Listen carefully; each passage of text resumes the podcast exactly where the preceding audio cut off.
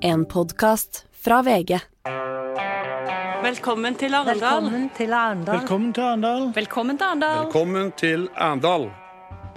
Ny meningsmåling for VG viser at avstanden mellom Arbeiderpartiet og Høyre minsker. Høyres ordførerkandidat i Oslo skylder på sine kommunikasjonsrådgivere for kontroversielt utsagn. Og det er ennå en tiltale mot Trump. Dette er Everøy-gjengen. Det er tirsdag den 15. august.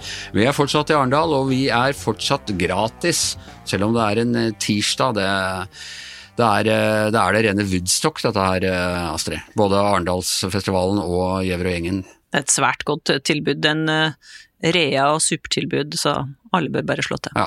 Det er, eh, vi husker det fra Woodstock, hvor gjerdene faller og de roper ut 'This is a free festival from now. Ok. Eh, dagens politiske nyhet er da en uh, ny meningsmåling som er utført for VG. Vi er i VGTVs hus her i Arendal. Her har vi hatt besøk av Eh, diverse politikere, Astrid. Du har stått ute i regnet og kommentert og møtt dem, og det var en, det var en blid og fornøyd næringsminister, blant annet. Stemmer. Jan Kristian Vestre i Arbeiderpartiet. Han eh, kom hit for å kommentere målinga, men han er jo nesten alltid blid og energisk. Det er hans varemerke. Så han ser positivt på det meste. Glasset er halvfullt. Det er superbra, syns han, det her eh, lille framgangen som er veldig liten, som Arbeiderpartiet har på, på målinga vår. Eh, det er altså 22,7% de har på kommunemålinga vår eh, denne målinga her, og de hadde 22,0 i juni. og eh, det er jo en liten framgang, og det er jo ikke noe bra. Men som Folpe påpekte her, i april i år var de større. Ja, men vi hadde jo egentlig kanskje forventa at de skulle bli straffa ikke sant, etter den katastrofesommeren som vi har vært igjennom. Og eksempel denne Melkøya-greia, som eh, mange, det må vi jo si at vi satt her i Gjevregjengen også og snakket om, eh, at eh, det, det, var litt av et stunt å dra sånn rett før, vil sikkert være upopulært.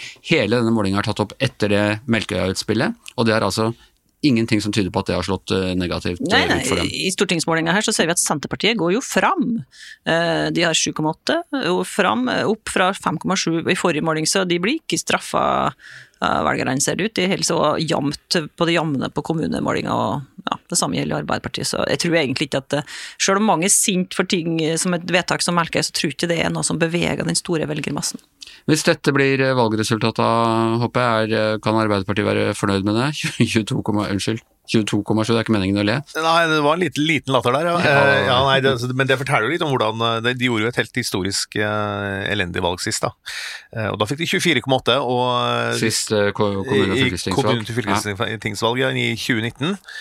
og det er jo klart, hvis de, hvis de kommer opp på det nivået igjen med den katastrofeutviklinga det partiet har hatt etter at de tok over regjering, så, så, er det jo Tror jeg nok at de vil være ganske fornøyd i partiet. så Da vil det være sånn altså, Politikere er jo alltid sånn ikke sant? når du får meningsmålinger som går litt opp, så blir de jo sånn Nå er vi på gang, og nå har folk endelig skjønt og sånn. ikke sant? Men, men så, så hvis, hvis, Ap klarer å mobilisere enda kanskje et par prosentpoeng, sånn, så tror jeg faktisk de skal ende opp med å bli ganske fornøyd. Ja, en, Men det skal enda et par til for at de er fornøyd? De er ikke fornøyd hvis dette blir eh, valgresultatet? Nei, 22,7 eh, altså det sies, uh, hører vi, at uh, de er nå helt uh, oppsatt på, på, å mobilisere sine kjernevelgere. For de har fortsatt en veldig lav såkalt lojalitet, da, altså de som stemte på Arbeiderpartiet sist. Så, så, så det er en del gjerdesittere som de har tenkt å få tilbake. Og, og man kan i hvert fall spekulere i at det, det, vil bety at Arbeiderpartiet kjører enda mer hardt på sånne typiske Arbeiderparti saker og ikke er så, så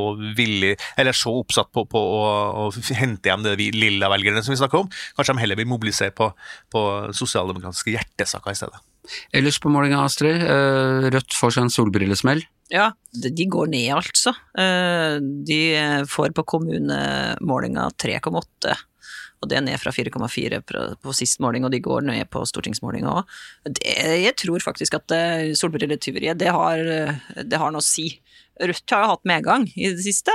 Eh, og da det skjedde, tyveriet på Gardermoen, så tok VG opp en måling som viste at nesten eh, alle i Norge har fått med seg den skandalen. Det er ganske utypisk. De fleste politiske skandaler skjønner får ikke folk alle, alle får det ikke med seg, men nesten alle i Norge har fått det med seg. Denne var ganske enkel å forstå, da. Altså, det er mye vanskeligere å forstå brudd på pendlerregler og eh, skattefritak og sånne ting, mens stjele et par solbriller og lyve om det etterpå er liksom noe du kan forklare barna ganske greit. og det er lett å ta stilling til det.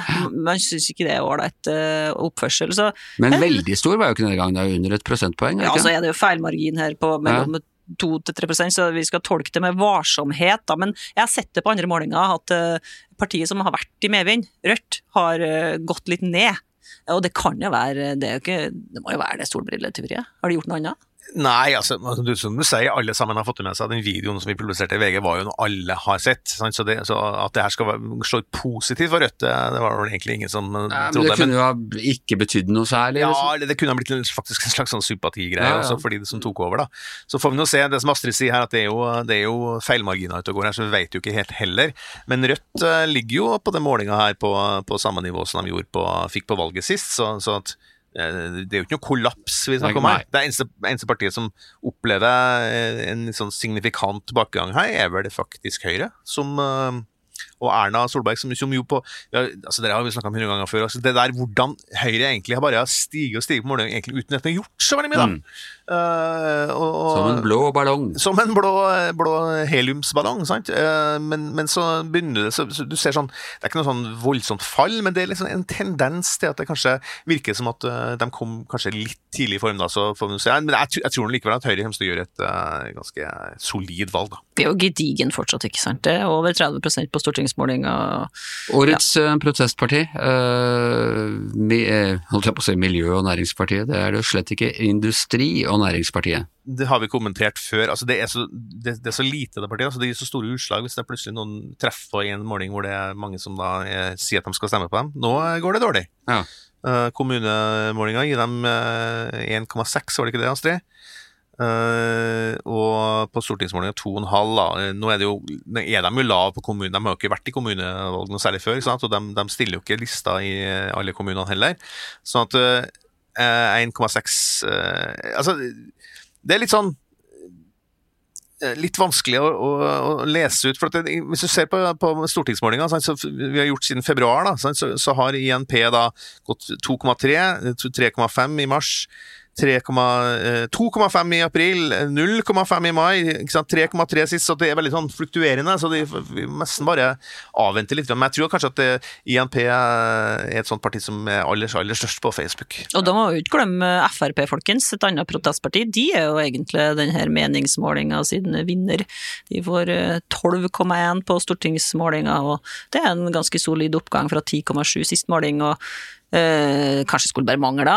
Det er jo et parti som tjener ofte på høye drivstoffpriser og dyr, dyr mat i butikken og sånn, så at folk Partiveteran Terje Søviknes var jo her nå ute i, i TV-sendingen, og du snakka med han. Hva, hva mente han var eh, suksessoppskriften? Frp er jo selvfølgelig strålende fornøyd med den målinga her. Det er jo sånn som de sier uansett, selvfølgelig, når de har framgang. Men jeg tror jo egentlig at partiet selv òg mener at de, de burde være litt større enn de har vært i det siste, av alt det som har skjedd med renta og dyrtida og sånn. Da skal egentlig Frp klare å vokse seg enda større enn det her. De har jo vært plaget en stund at de satt lenge i regjering, og, og en del av det ansvaret klistrer til dem. Eh, eh, og, nå begynner de kanskje Ja, å kaste jeg de eh, lenkene. Det tror jeg er en sentral forklaring i Frp har vært eh, siden de gikk ut av regjeringa. Hvorfor ikke de er like store som de har? Altså, hva var rekordmålinga til Frp? Altså, de har jo vært oppe i 25% altså det her er jo ingenting i forhold til de beste målingene de har hatt i gode tider. Men altså på kommunemålinga så får de 11,9% og det er altså framgang eh, med 3,5 prosentpoeng da, fra, fra valget sist. Eh, og det er noe bra, da. Så, så var det jo sånn på, så på VGs debatt sist uke også, eh, Anders, så var jo det var jo liksom Sylvi Listhaug som var opposisjonspolitikeren. Eh, Erna Solberg er fortsatt en slags sånn eh, statsministertype, ikke sant.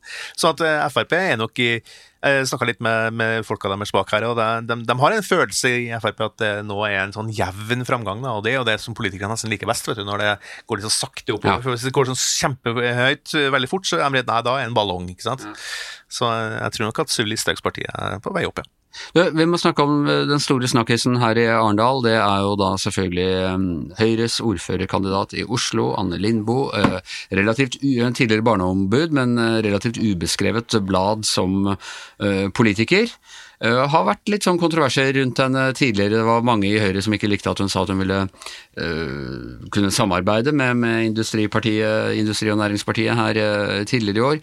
Nå har hun altså er, Har hun delt en post, eller har hun forfattet en post om hvor hun skriver Ja, hva sto det, Hans Petter? Altså, hun har delt en post da, som er et sitat fra en annen. Det er ikke hun som har skrevet det, hun bare videreformidla det i, på, i uh, sosiale medier. Og Der det sånn handler om eldreomsorgen i Oslo kommune, og, og sitatet det er for mange ufaglærte som ikke kan noen ting, og noen har også veldig dårlig språk. Uh, det må man gjøre noe med, for det kan være farlig. Og eh, da, Sitatet er at, altså, at Oslo Høyre sin, sin frontspisskandidat sammen med jeg, jeg, han Lars Solberg, som skal bli byrådslederkandidat, da, så, altså, at, at, at de, Oslo Høyre fronter et budskap om at ufaglærte ikke kan noen ting.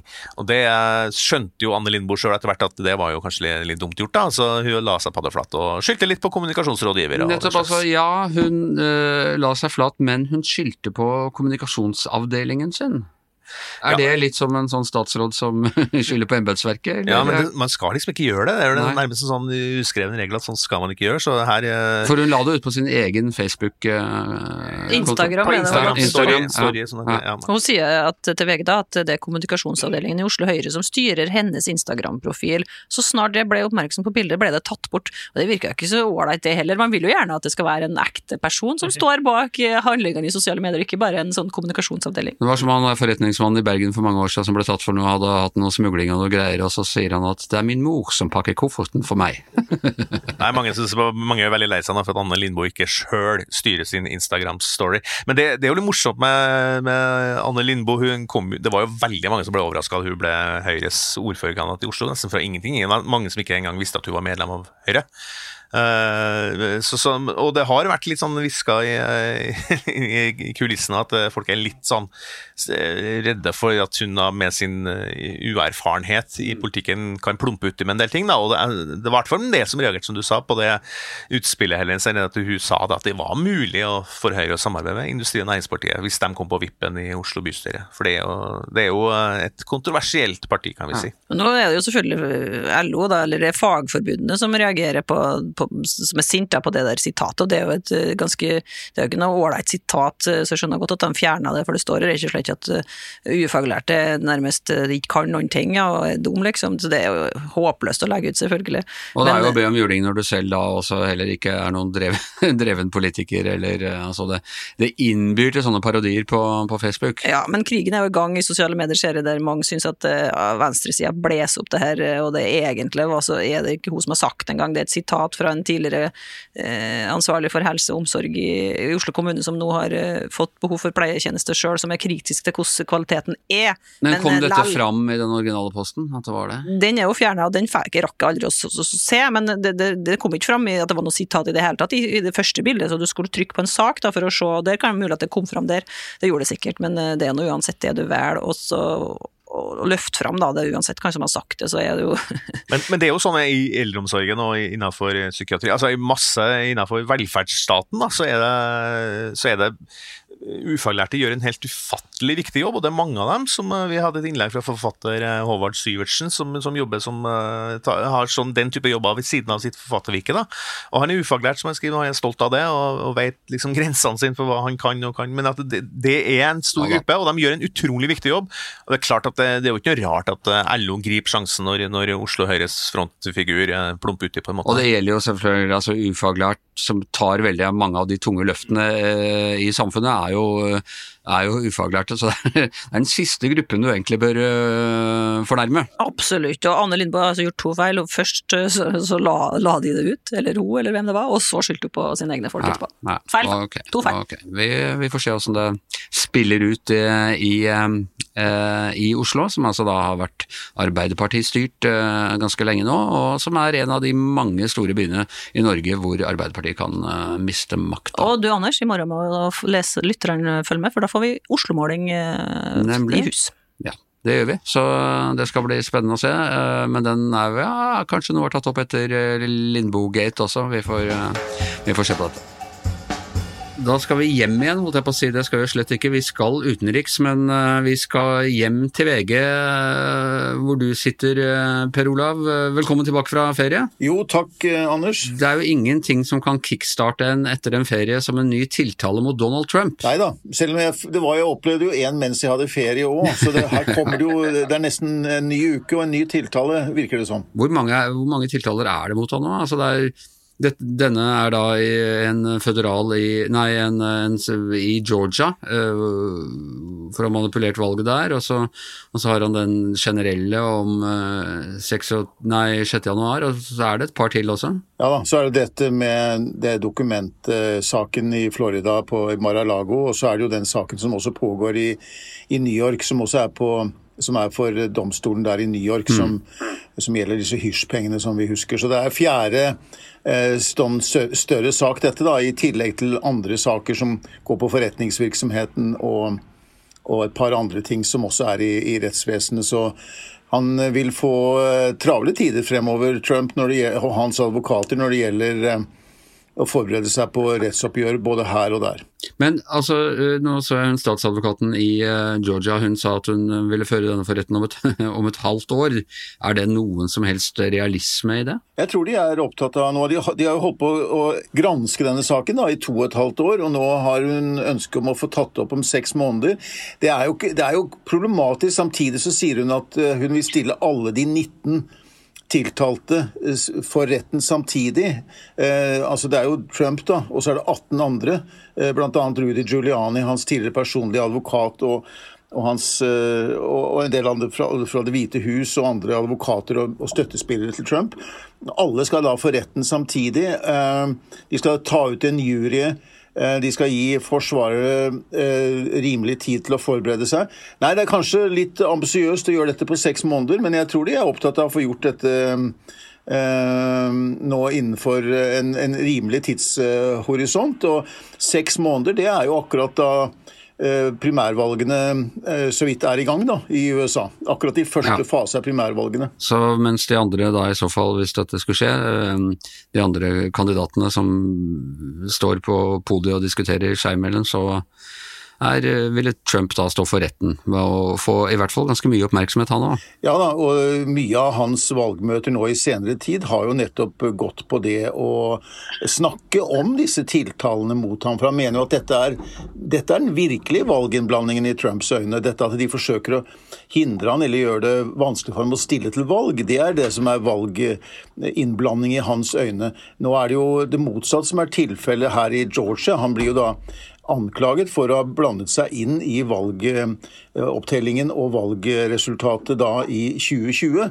Men han prøver å snu dette til sin egen fordel og si at dette er en måte å kvitte seg med han som en brysom politisk opponent for uh, demokratene. Det litt spesielle i Georgia er jo at uh, de som da hadde ansvaret for å, for å konfirmere dette valgresultatet som da ikke gikk i hans favør i den staten, det var jo republikanere. Både på guvernøren og den uh, ansvarlige her, han Brad Raffensperger, og det var jo denne famøse telefonsamtalen 2.1.2021, altså bare noen dager før stormingen av Kongressen, eh, hvor Trump da ringte til denne valgansvarlige og ba ham finne disse nødvendige stemmene som kunne gjøre at han vant valget da, i, i Georgia. Han manglet jo eh, 12 000, vel 12 000 stemmer på å vinne valget. Det var et jevnt valg. Georgia er en vippestat. Ehm, det var et jevnt valg, men da hadde man foretatt allerede flere omtellinger. Det har vært noen søksmål osv. Resultatet var godkjent. Valgmenn var utpekt. Men ehm, Trump-kampanjen de hadde jo allerede prøvd å danne sine alternative valgmenn, og det hadde pågått en Det er jo det som beskrives i tiltalen, et ganske omfattende arbeid for å få omgjort dette resultatet. Det, I tiltalen så snakker, snakker, man jo både om trusler, om falske eh, eh, påstander, om utpressing. og dette, denne samtalen med Raffensperger kan jo da leses inn som en del av dette. fordi hvis Raffensperger hadde gjort som Trump sa, så ville han ifølge tiltalen ha brutt sin embetsed og begått en forbrytelse ved å omgjøre på et lovlig resultat. Ja, men øh, men det gjorde han øh, altså ikke. Ja, Trump er rett og slett, øh, og hans medansvarlige er rett og slett tiltalt for en konspirasjon. Er dette en konspirasjonsteori advokatene, eller statsadvokaten har lagt fram? Ja, Det er kanskje det mest spennende og oppsiktsvekkende ved det hele, at de bruker en lovparagraf om en sånn konspirasjon eller en sammensvergelse eh, for å begå eh, da forfalskning og, og, og, en- og, og ulike forbrytelser. Dette er da en lov som er kommet inn for egentlig å kunne brukes mot organiserte kriminelle nettverk, altså mafia og andre. Så hvis man da man kan legge sammen ul, ulike personer kan begå ulike lovbrudd, men hvis, hvis, hvis alle de tiltalte på en måte har den samme hensikt, så kan disse lovbruddene samles sammen og, og, og, og, felle da potensielt de tiltalte.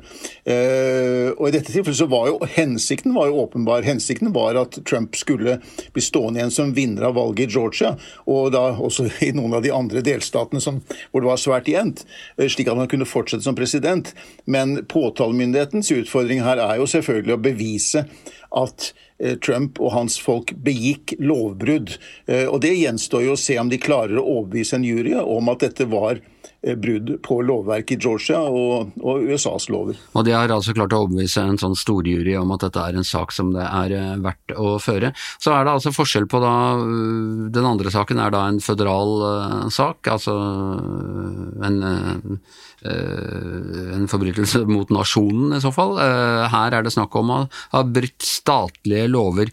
Og det gjør noe forskjell i hans mulighet til å benåde seg selv om han skulle bli president? Ja, og for det første er det veldig uomstridt om en president kan benåde seg selv, for det har jo ikke vært gjort før, og det er jo Men jeg vet om en som vil prøve hvis han får anledning. Utvilsomt, utvilsomt. Så, men det kan han altså ikke gjøre hvis det blir en fellende dom i Georgia.